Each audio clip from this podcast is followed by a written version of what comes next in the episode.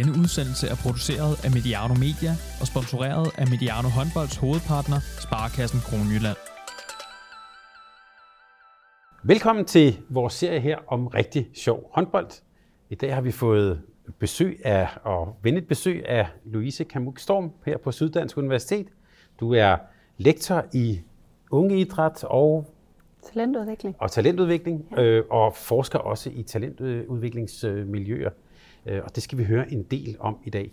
Jeg kunne tænke mig lige at starte et helt andet sted, Louise. Øh, mm. Jeg ved, at du lige nu har siddet og kigget på et, et, et stort studie af forskellige atleters vej til, til toppen. Hvad, hvad, har jeg, hvad fortæller det studie, og hvad er man blevet klogere på der? Ja, det er, det er rigtigt. Der er lige her i 2021 udkommet sådan en opsamling. Og det er noget af det, øh, ofte de store ledende forskere på et felt gør sådan helt på verdensplan, kigger ind over, hvad er det for nogle studier, der er lavet gennem tiden, og prøver at opsamle og kigge på dem sådan, ja, meta, altså i et overordnet perspektiv, hvor man tager dem alle sammen i betragtning. Og vi har jo selv lavet noget, noget forskning i specialiseringsveje i, øh, i vores forskningsgruppe, hvor vi netop fandt, at der var mange veje til eliten, øh, og i en dansk sammenhæng er der typisk sådan en bred basis, og at man har prøvet mange forskellige idrætsgrene. Og det har været nogle spørgsmål, man i andre forskningsmiljøer også har været interesseret af at svare på. Og det de så har gjort, de her forskere, der står bag den metaanalyse, det er at kigge på tværs og indsamle data fra alle de her mange tusind atleter, øh, for at se, hvad der kendetegner dem, der når verdenstoppen. Og det, de slår fast, øh, det er, at dem, der bliver allerbedst, de har dyrket flere forskellige sportsgrene, og dermed netop har øh, det, man vil kalde enten sampling eller diversifikation, øh, som en vigtig del af de tidlige år med sporten. Øh, og det er, det er et overbevisende studie, og det er, det er mange atleter, det bygger på, og det er mange forskellige studier på tværs af sportsgrene og nationer, selvfølgelig, som meget forskning er i høj grad øh, det vestlige samfund, øh, men det er vi jo selv en del af, så derfor kan vi sagtens øh, bringe det i anvendelse og bygge vores praksis på den baggrund. Og du nævnte også specialisering. Det kan mm. være, du lige skal sætte lidt, øh, mm. ja, ud, uddybe det lidt. Hvad ligger der i det at specialisere sig? Hvad, hvad er det for noget? Altså i forskningen er specialisering, det er egentlig, at man kigger på, hvordan har udviklingen været inden for sporten. Øh, hvis man taler mere bredt sådan om karriere i sport, så vil man også kigge på vejene gennem skolesystemer, uddannelsessystemer, sådan lidt bredere på, på udøveren. Men når vi zoomer ind og siger specialisering, så er vi egentlig mest optaget af, hvad er det, der er sket i den sportslige vej øh, gennem livet. Så en specialiseringsvej er ikke nødvendigvis, at du tidligt bare spiller håndbold. En specialiseringsvej er beskrevet ved, okay, hvornår i dit liv øh, vælger du så en sportsgren eller en position osv. Og den der sampling og diversifikation, som ligger i de tidlige år, er stadigvæk med, når vi beskriver specialiseringsveje. Det betyder bare vejen gennem sport. Og sampling, det lyder som om, at jeg er ude tage små prøver forskellige steder. Er det også ja, sådan, men man, det, man, det kan det faktisk godt være. Mm. Øh, der kan jo være mange forskellige former for smagsprøvning. Ikke? Og det er noget af det, vi faktisk også ser i vores egen forskning, at, øh, at nogen smagsprøver i kortere tid for at bekræfte et valg, og andre i lang tid dyrker flere forskellige sportsgrene ja, for at finde ud af, hvad er det, jeg egentlig øh, bryder mig mest om, eller få, øh, få det, man kan få fra forskellige sportsgrene, og er motiveret af det øh, i deres karrierevej. Og det vi jo netop kan se, det er, at der er mange veje til eliten, men fælles på tværs af kontekster og på tværs af lande og sportsgrene, så er det altså slået rigtig godt fast, at øh, man dyrker flere forskellige sportsgrene i de tidlige år. Så hvis du vil nå verdenstoppen, så skal du ud og sample, ud og, ud og prøve nogle ting, og, ja. og måske også vælge flere forskellige, forskellige typer af idrætsgrene, eller det kan jo, ja. godt, øh, det kan jo godt give mening ikke også, øh, at gøre det. Øh, det man selvfølgelig skal passe på med, det er at tale om det som, at der kun er én vej mm. til eliten, at vi alle sammen skal gå ud og gøre det samme. Øh, men nogle af rationalerne ved at, øh, at dyrke de her flere forskellige sportsgrene i de tidlige år, det er jo, at der er en højere sandsynlighed for, at du finder det gode match øh, mellem personen og, og idrætsgrenen, og dermed at du kan holde dig motiveret i rigtig mange år. Øh, og så hvad enten du bliver i idrætten sådan livslangt, eller du bliver verdens bedste, øh, så er det egentlig de samme mekanismer, der gør sig gældende i, i de tidlige år. Det, det ved vi ret solidt, øh, hvis jeg skal sige det.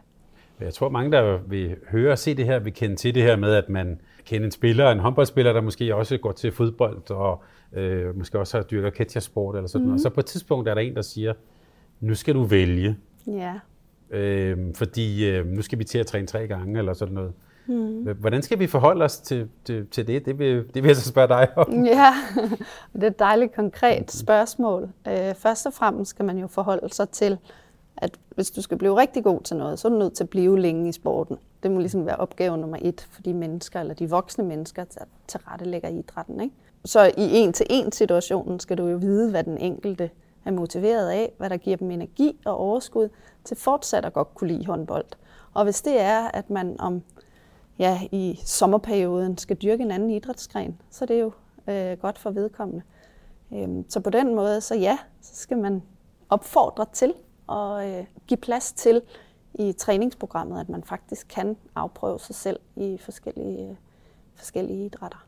Og nu spørger jeg om noget, som du overhovedet ikke har forberedt, men, øh, men som jeg var på nysgerrig på. Ja. Ved vi noget om, om, er der nogle forskellige øh, andre sportsgrene, hvis jeg nu tænker, jeg mm. kan godt kan lide håndbold, mm. ved vi så noget om, at det så godt at gå i en helt anden retning? Altså jeg tænker, mm. øh, vi har set håndboldspillere danse, det er de ikke så gode til, men mm. er, er der et eller andet, som, vi, som måske vil styrke motorikken eller andre ting? Mm. Er der, er der, har vi viden om det? Ja, og det er et meget relevant spørgsmål, for der er selvfølgelig forskel på sportsgrene i, hvad vi så ser i de her specialiseringsveje. Ikke? Der er nogle sportsgrene, der er verdensomspændende og meget populære med, med mange penge osv. Der ser vi en tendens til, at man tidligt fokuserer i den sportsgren, men stadigvæk en, en, øh, en relativt bredere basis. Mm. Det, man kan hente fra andre sportsgrene, der er det nærliggende, at vi tænker meget sådan motorisk og kompetencemæssigt. Hvad kan vi direkte overføre?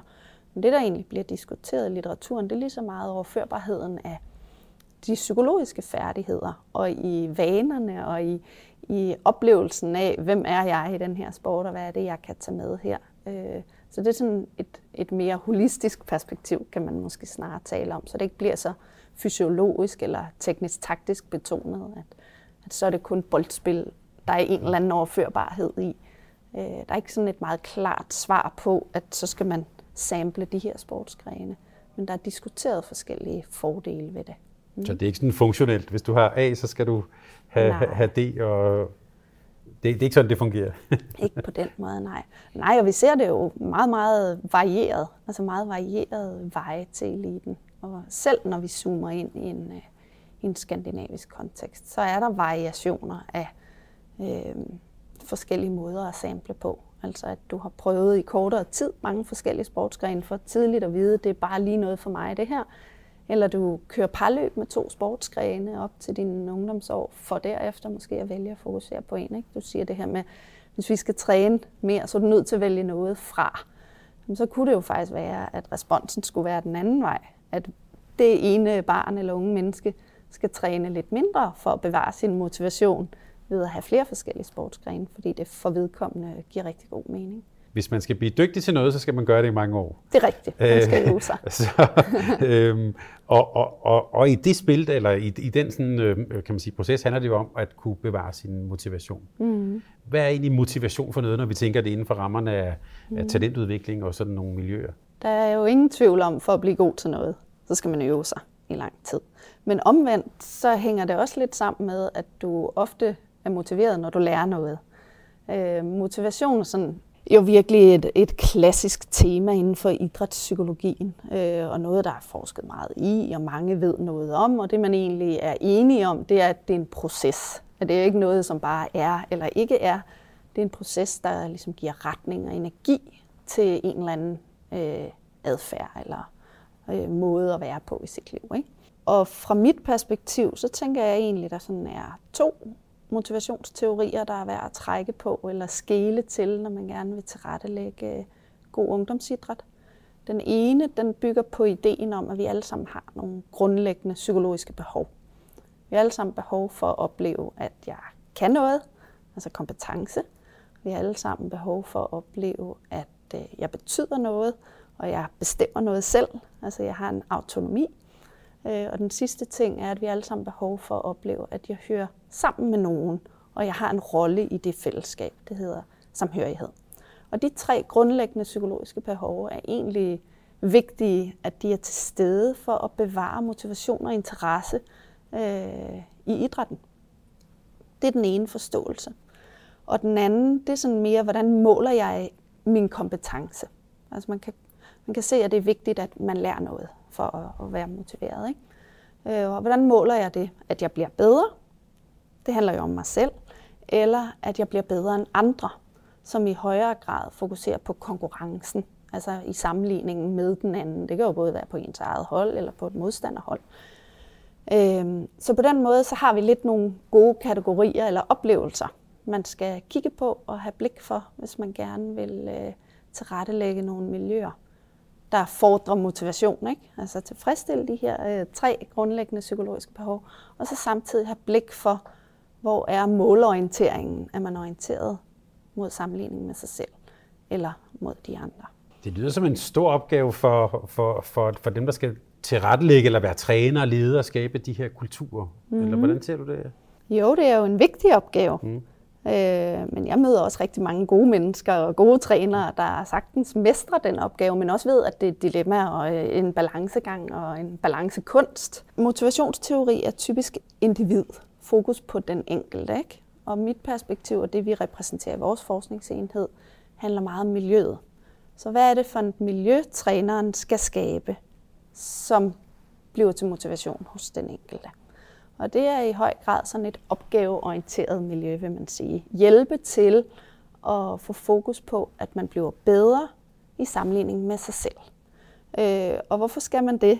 Det hænger sammen med øh, at udvikle et, en indre motivation og udvikle evnen til at øve sig også under modgang. Øh, du kan nærmest ikke dyrke idræt uden at møde modgang, og slet ikke hvis du skal være i idrætten i rigtig mange år, og slet ikke hvis du skal blive rigtig god og øh, blive i idrætten hen over den meget svære overgang fra ungdomsspiller til øh, seniorspiller, hvor du så pludselig ikke er den bedste.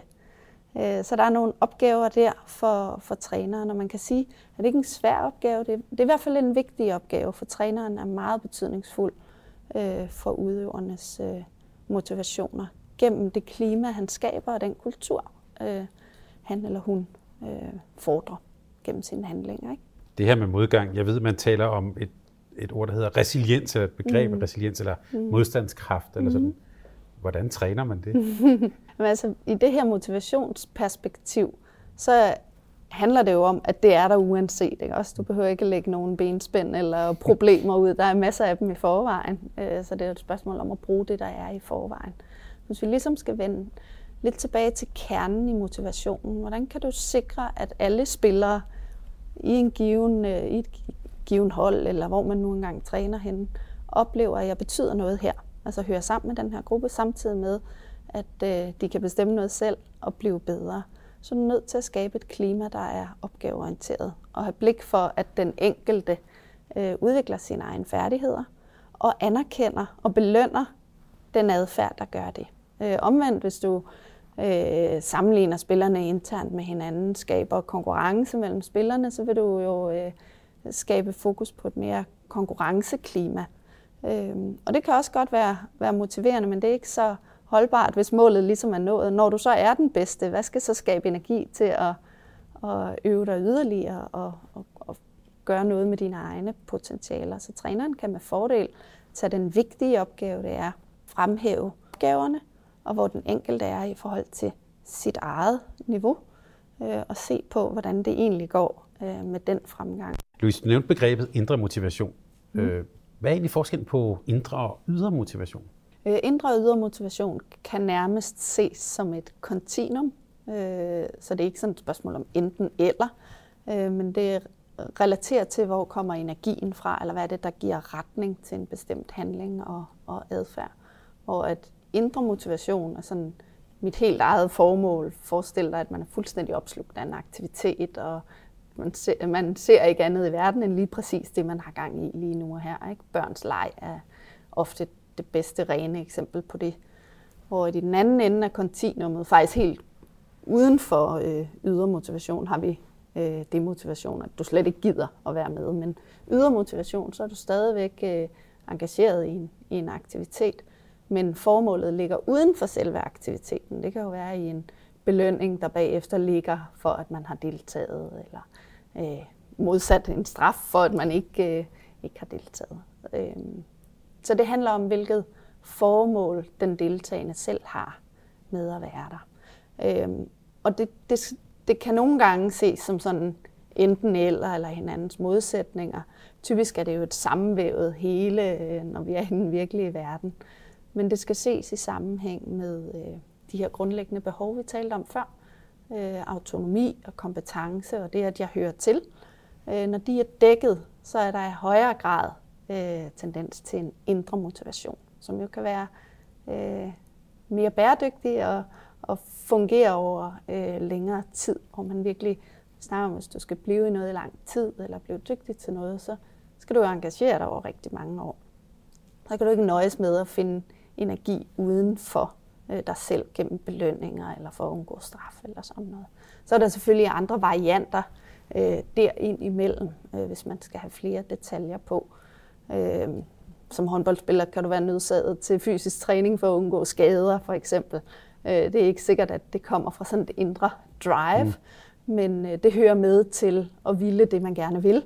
Øh, så, så på den måde er der nogle nuancer og nogle grå zoner, men som sådan kan vi godt tænke på indre og ydre motivation som et kontinuum, men det vigtige at forholde sig til, det er de her grundlæggende psykologiske behov. Øh, er der taget højde for dem? For det fordrer den indre motivation, og så vedholdenhed over længere tid. Ved vi noget om, hvordan de udvikler sig, jeg har sagt med alderen eller over tid? Altså, mm. når vi taler talenter, er det jo nogen, mm. også nogle ofte unge mennesker, der måske er ved at danne sig sin personlighed og sådan noget. Det mm. kan vel, jeg tænker, øh, det kender vi jo alle sammen, der har været unge på et tidspunkt, det kan jo ændre sig fra, fra, fra tid til tid eller sådan noget. Det ja. kan vel være under stor udvikling. Absolut. Mm. Øh, hvad det er, der giver mening, mm. øh, skifter over tid. Ikke? Og noget af det, der er, er meningsfuldt for børn og unge mennesker i, i idrætsaktiviteterne, er jo typisk den sociale interaktion, det er øh, den motoriske kompetence, at være udfordret, øh, lære noget, der personligt er relevant for en. Øh, så hvis vi bliver også lidt ved det her med at lære noget, så er man jo netop drevet af som ung menneske at lære noget om sig selv, altså mm. skabe sin identitet, øh, hvor at man i de meget tidlige år som barn er nysgerrig og eksperimenterende. Øh, og sådan meget groft sagt, så er de voksne mere selektive og lærer det, der giver mening, øh, og man kan bruge til noget. Øh, men det, det kan man jo selvfølgelig godt have i baghovedet i sammenhæng med motivation øh, og motivation for læring. Altså hvad er det egentlig, at de unge mennesker kommer der for? Øh, trænerne skal jo være orienteret mod et formål med sin, øh, sin praksis. Ikke?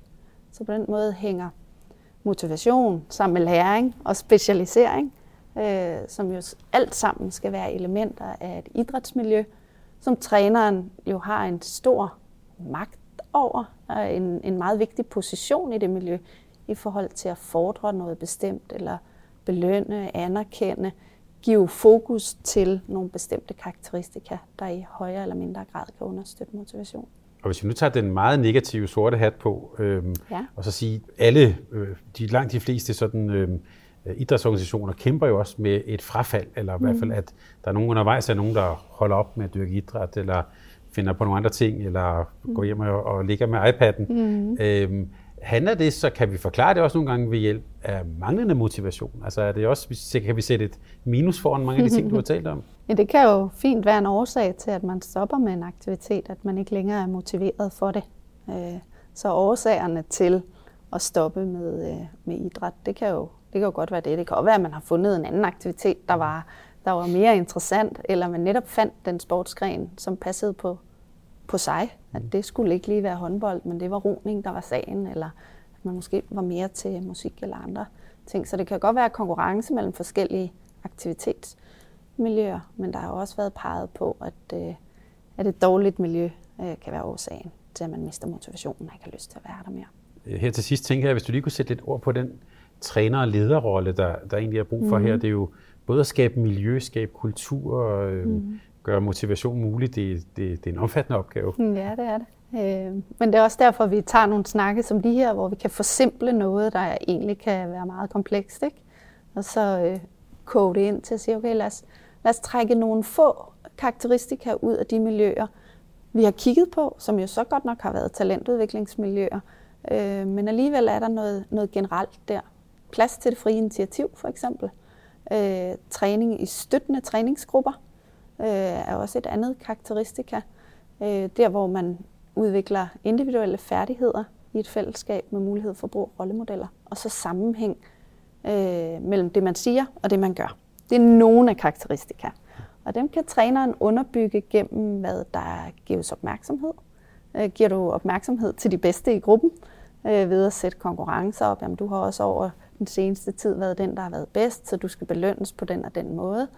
Eller belønner man øh, indsats og orientering mod, at jeg bliver bedre i forhold til, hvor jeg var i går? Ved at fremhæve det i gruppen, så kan du fremstå som øh, ja, en, der leder gennem kulturen, i, især i, i forhold til belønning, straf, selektionen afspejler i høj grad, øh, i høj grad det. Og når du nævner ordet talentudviklingsmiljø, hvor er vi henne i, man kan sige, i alder? Altså, mm. øhm, er det, er det i, i de øverste alderstrin, eller er det også en type kultur, vi taler om, hvis vi taler børn? Mm. For at være helt stringent, og det kan jeg jo godt lide at være mm. i den rolle, jeg har, det er også ikke? Det, så er det jo netop øh, 15-19 års mm. alderen, vi vil definere som øh, talentudviklingsmiljøer. Men som sådan, så, øh, så er nogle af de her karakteristika jo generiske, så der vil jeg ikke være ked af at sige, at det kan også gøre sig gældende for børn, og måske i, i endnu højere grad. Og hvis vi så vender tilbage til det andet tema, vi også har snakket lidt om, altså vejene til, øh, til elite, og hvad er det, der kendetegner de tidlige år i sport, jamen, så er det jo faktisk miljøer, hvor der er plads til høj grad af det frie initiativ. Øh, noget af det, der kan være motiverende for, for børnene.